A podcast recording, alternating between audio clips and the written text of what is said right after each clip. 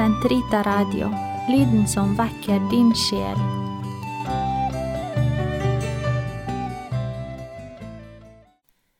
Karmels hage sesong to episode fire Offer Karmels vei når verden står i brann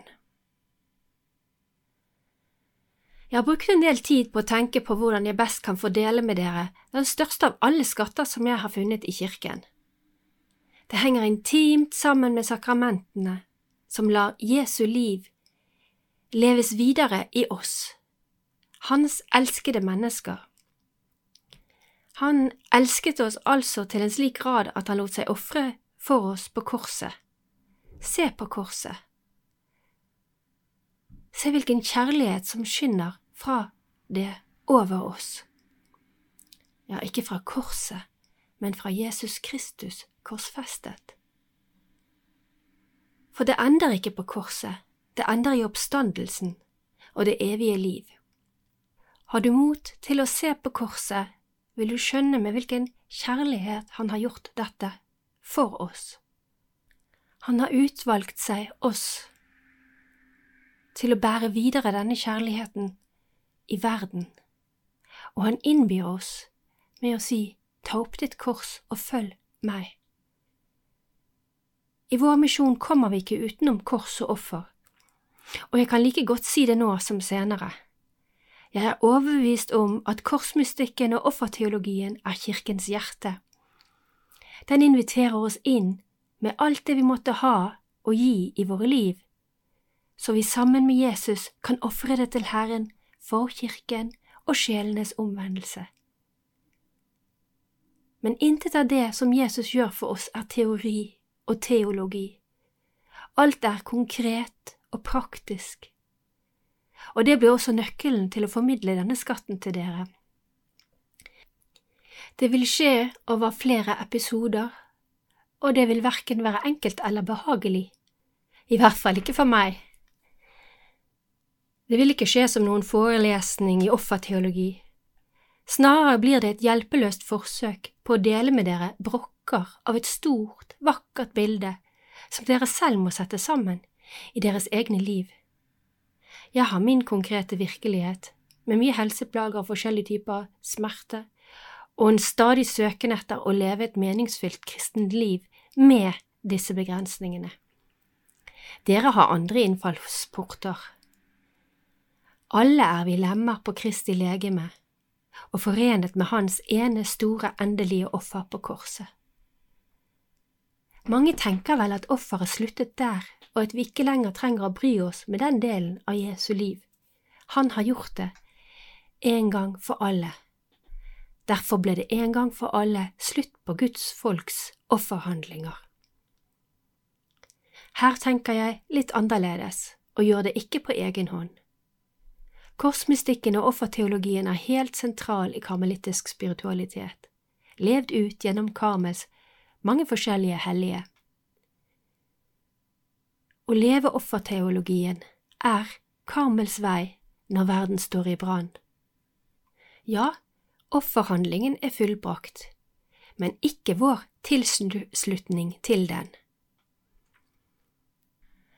Jeg hadde, for ikke å skremme dere vekk ved å snakke om martyriet, tenkt at karmelittnonnen Teresa Benedicte av Korset, eller kanskje bedre kjent for de fleste som Edith Stein, skulle presenteres til slutt i denne rekken av betraktninger. Hun skulle komme som en slags ytterste grense etter at dere hadde fått høre alt, det, alt om de forskjellige aspekter ved våre liv som kan vies som offer for Gud, og som ikke nødvendigvis er å gi sitt liv i døden. I stedet kommer hun nå først, fordi etter mange forsøk på å begynne denne podkasten skjønner at hun, med sitt liv, er den som har gitt meg en konkret nøkkel til bedre å forstå sammenhengen mellom den offerteologien jeg leser om i Det gamle testamentet, og på hvilken måte det henger sammen med Jesu handling og ord, spesielt i sin avskjedstale og i nattverdsliturgien, og igjen på hvilken måte dette henger sammen med våre egne individuelle liv. Jeg håper at hun kan bli en nøkkel også for dere. Edith Stein ble født 12. oktober i 1891, som yngste datter i en søskenflokk på elleve. I en jødisk familie i Breslau i Øst-Slesien, nå Wroclaw i Polen. Hun ble oppdratt dypt og inderlig inn i jødisk tro og fromhet, en tro hun mistet i tenårene, da hun opplevde seg som ateist, og etter hvert peilet sitt liv inn på en akademisk karriere med hovedvekt på filosofi. Det er i dette løpet hun møter troen, ikke som en filosofisk idé, selv om hele hennes akademiske liv hadde søken etter sannheten som en sterk drivkraft. Nei, den kommer konkret i møte med et menneske. Og igjen, hvor vakkert er ikke dette for oss å lese? Hun fikk sitt første møte med Jesus, ikke fra en katolikk, men en protestantisk troende kvinne. Edith bærer med sitt liv altså frem for oss vår tros jødiske røtter, og dem må vi se nøye på for å skjønne hvem Jesus var og hva han tenkte. Samtidig står hun i stor takknemlighetsgjeld og i et kjærlighetsfylt forhold til de i våre troens atskilte søsken, protestantene. Dette hennes første møte med Jesus skjer i forbindelse med at hennes nære filosofvenn Adolf Reinhard faller i krigen i 1917. Og jeg skal sitere til dere hva som skjedde fra Mette Nygaards beretning om henne som sto i St. Olav Blad i 1998. Mette Nygaard skriver Edith tilbød seg å hjelpe enken med å rydde opp i hans papirer. Hun grudde seg fælt for møtet og ventet å finne en kvinne knust av sorg. Derfor ble hun forbløffet over å se hvorledes fru Rainer Nars kristne tro holdt henne oppe. 25 år senere, kort før hennes død, mintes hun dette møtet i et brev til en venn. Det var mitt første møte med korset og med den guddommelige kraft som det meddeler dem som bærer det. For første gang så jeg håndgripelig for meg den kirke som ble født, av Frelserens lidelse, i dens seier over dødens brodd. I det øyeblikk brøt min vantro sammen, og Kristus strålte opp, Kristus i korsets hemmelighet. Hun hadde fått en sjelelig stimulus som gikk hinsides det hun kunne hente innen filosofien. Fire år senere kom hennes store trosgjennombrudd da hun leste Therese av Avelas selvbiografi boken om et liv. Jeg leste den, sa hun senere, og forsto at dette var sannheten. Hun satte seg ned og leste messeboken og evangeliene, og ble opptatt i Den katolske kirke 1. januar 1922, 31 år gammel. Altså ganske nøyaktig for 100 år siden. Faktisk feires det nå i Wroclaw et Edith Stein-år så det skulle være rikelig med inspirasjon å hente om henne på nettet. På Sankt Rita Radios hjemmeside ligger det som vanlig en del informasjon om bøker og en link til dette Sankt Olav-bladet som jeg siterer fra. Vi ber sammen. Kom, Hellig Ånd, fyll dine troendes hjerter og tenn i dem din kjærlighetsild, du som gjennom de mangfoldige tungemål samlet alle folkeslag til troens enhet. Send ut din ånd, og alt skal bli omskapt, og du fornyer jordens åsyn. La oss be. Gud, du har opplyst de troendes hjerter ved Den hellige ånd. Gi oss at vi ved din ånd kan glede oss over det som er rett, og alltid bli lykkelige ved Hans trøst. Ved Kristus, vår Herre. Amen. Vi lar Mette Nygaard berette videre for oss. Edith ble født på Jom Kippur, den store jødiske forsoningsdagen, da i sitat ypperste presten først skred inn i det aller helligste og ofret sonoffer for seg og hele folket, hvoretter syndebukken, lastet med alle folkets synder, ble drevet ut i ødemarken, skrev hun mange år senere i et selvbiografisk fragment og føyer til. Min mor la stor vekt på dette, og jeg tror at dette, mer enn noe annet, bidro til at hennes yngste barn ble svært dyrebart for henne. Den store forsoningsdagen var noe som også skulle bli skjebnebestemmende for henne selv. I den meget lesverdige artikkelen fra St. Olav skriver Mette Nygaard videre. Da Edith Stein ble ikledt i Karmelklosteret i Köln, tok hun navnet søster Theresia Benedicte av Korset. Paradoksalt nok var det Hitlers nasjonalsosialisme som åpnet veien til Karmel for henne. De ikke-ariske lovene som ble innført, gjorde det etter hvert umulig for henne å få arbeid i skoleverket. Hun fikk tilbud om en stilling i Sør-Amerika, men avslo for i alle fall å kunne være i samme land som moren. Under en andagsstund i karmelittkirken i Köln fikk hun en forutanelse om at de jødeforfølgelser som var satt i gang, var, og jeg siterer, Herrens kors som nå ble lagt på det jødiske folk. De fleste ville ikke forstå det, men de som forsto det, måtte beredvillig ta det opp i alles navn. Jeg ville gjøre det. Han måtte bare vise meg hvorledes. Da andakten var over, fikk hun en indre visshet om at hun var blitt bønnhørt. Hun visste bare ikke hva det å bære korset skulle bestå i. 14. oktober 1933 trådte hun inn hos karmelittene i Køln. Under ikledningen året etter tok hun navnet Theresia Benedicta av Korset. Therese etter ordens grunnleggerske, Benedicta etter Sankt Benedikt og klosteret i Buron, hvor hun hadde hatt sitt åndelige hjem, og av korset, fordi det var hennes bestemmelse.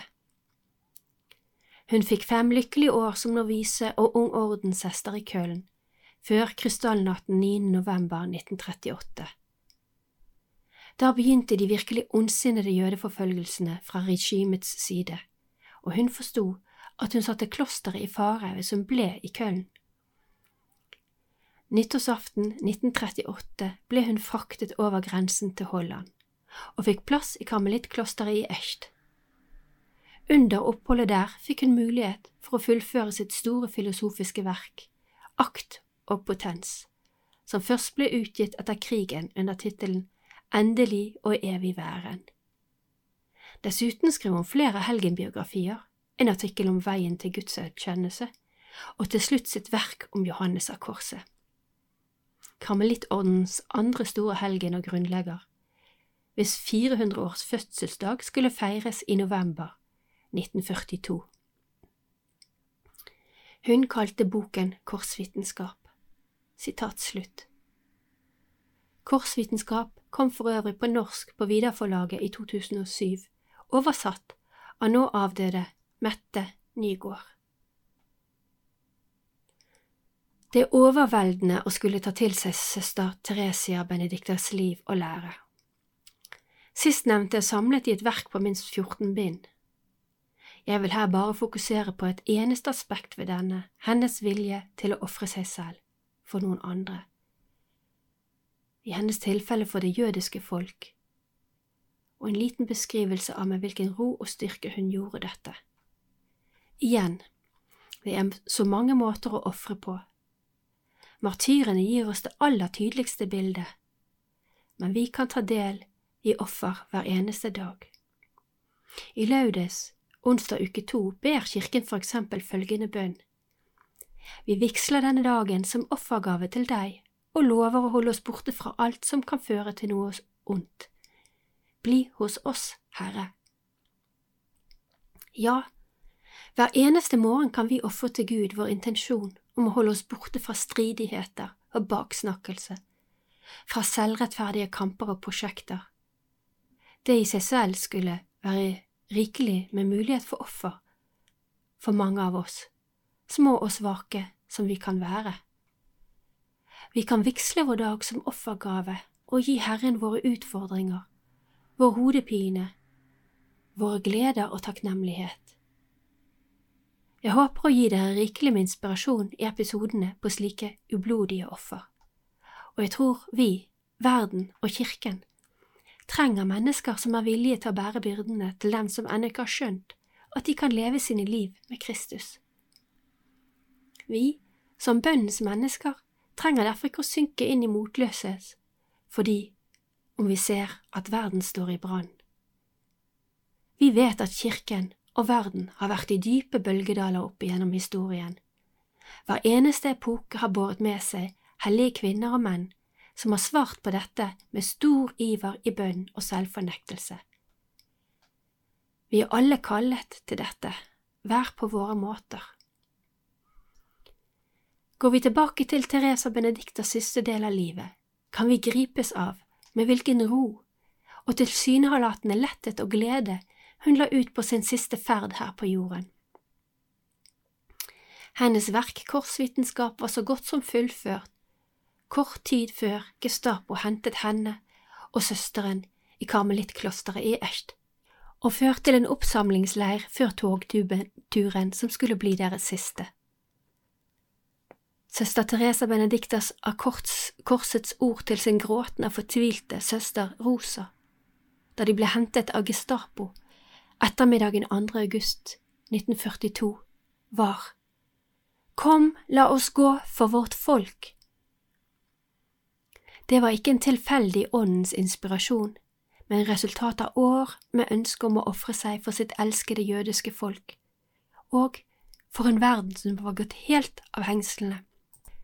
Hennes priorinne i Echt, Teresa Renata Posselt, beskriver hva som skjedde i boken Edith Stein, The Life of a Philosopher and Carmelite. Jeg har oversatt det slik. Blant de fangene som ble innbrakt den 5. august, bemerket søster Benedicta seg med ro, sin ro og fatning. Nøden i brakkene og uroen som ble forårsaket av de nyankomne, var ubeskrivelig.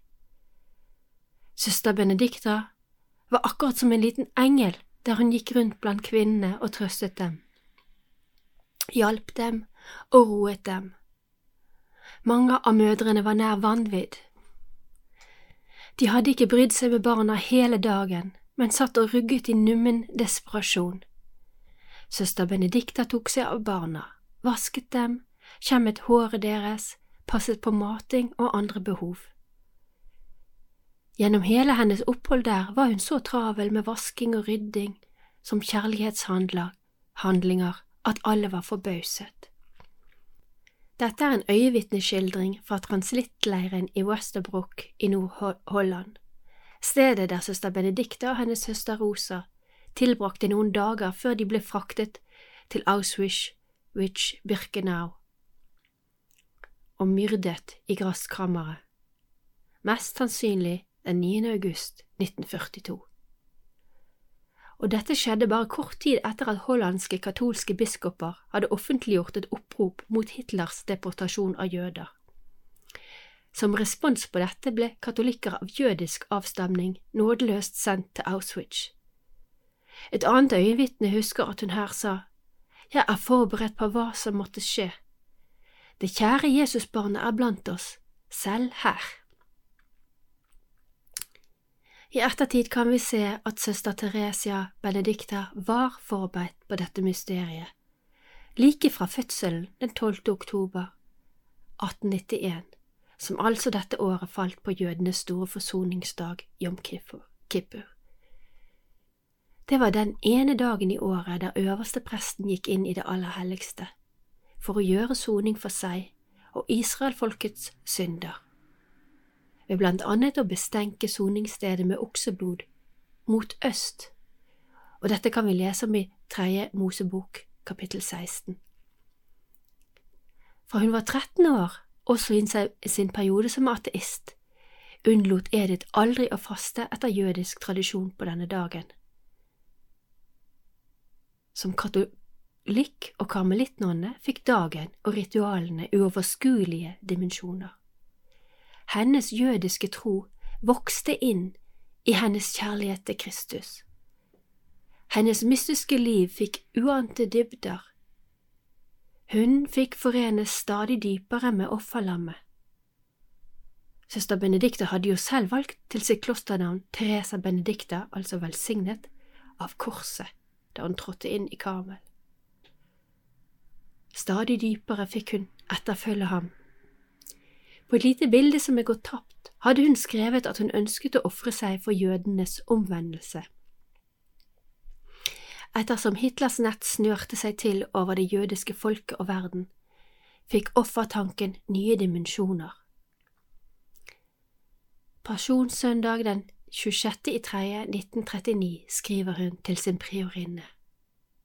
Kjære moder, tillat meg å tilby meg til Jesu hjerte som sonoffer for den sanne fred. Måtte Antikrists herredømme om mulig uten en ny verdenskrig bryte sammen, og en ny verdensorden bli etablert. Jeg vil det i dag, for det er tolvte time. Jeg vet at jeg er ingenting, men Jesus vil det, og i disse dager vil han nok sikkert kalle flere andre til dette. Sitatet som jeg nå skal lese for dere fra Origenes, beskriver med all tydelighet en symbolikk og mystisk virkelighet som Teresa Benedicta må ha vært vel kjent med. Han skriver, Tro ikke at det er likegyldig at blodet skal stenkes mot øst. Forsoningen kommer til deg fra øst, for derfra kommer det en mann som kalles soloppgang, han som er mellommann mellom Gud og mennesker. Derfor oppfordres du alt til alltid å ha blikket rettet mot øst, for der vil rettferds sol renne for deg, der vil dagen gry. Måtte du aldri vandre i mørket. Og søster Teresa Benedicta fulgte sin Herre. Hun dro mot øst og forenet seg med hans store forsoningsdag. Den som varer like til solen går ned, det vil si til verdens ende. Igjen et sitat fra tidebønnene for fastetiden. Origenes. Slik ble hun offer for sitt folk og verdensfreden. Slik ble hun en av våre store forbedere, for en verden som fremdeles er i brann. Slik forsegles hennes liv og død, med uendelig mening. Gjennom disse siste ord fra henne til verden ropt til en jernbanearbeider på perrongen i Skipperstad, der toget som fraktet fangene, hadde en lengre pause. Jeg er på vei østover. Vi avslutter i dag med første strofe fra et dikt som hun skrev pinsen 1942, inspirert av Johannes av Korset. Hvem er du, milde lys, som fyller meg? og opplyser mitt hjertets mørke. Du leder meg som en mors hånd, og hvis du slipper meg, kan jeg ikke ta noen skritt videre. Du er rommet som omgir og bærer min væren. Uten deg ville den synke ned i intethetens avgrunn, som du hevet den opp fra. Du, nærmere meg enn jeg er meg selv mer innenfor enn mitt innerste væren, og likevel umulig å nå eller berøre, sprenger rammen for ethvert navn. Helligånd, evig kjærlighet. Amen.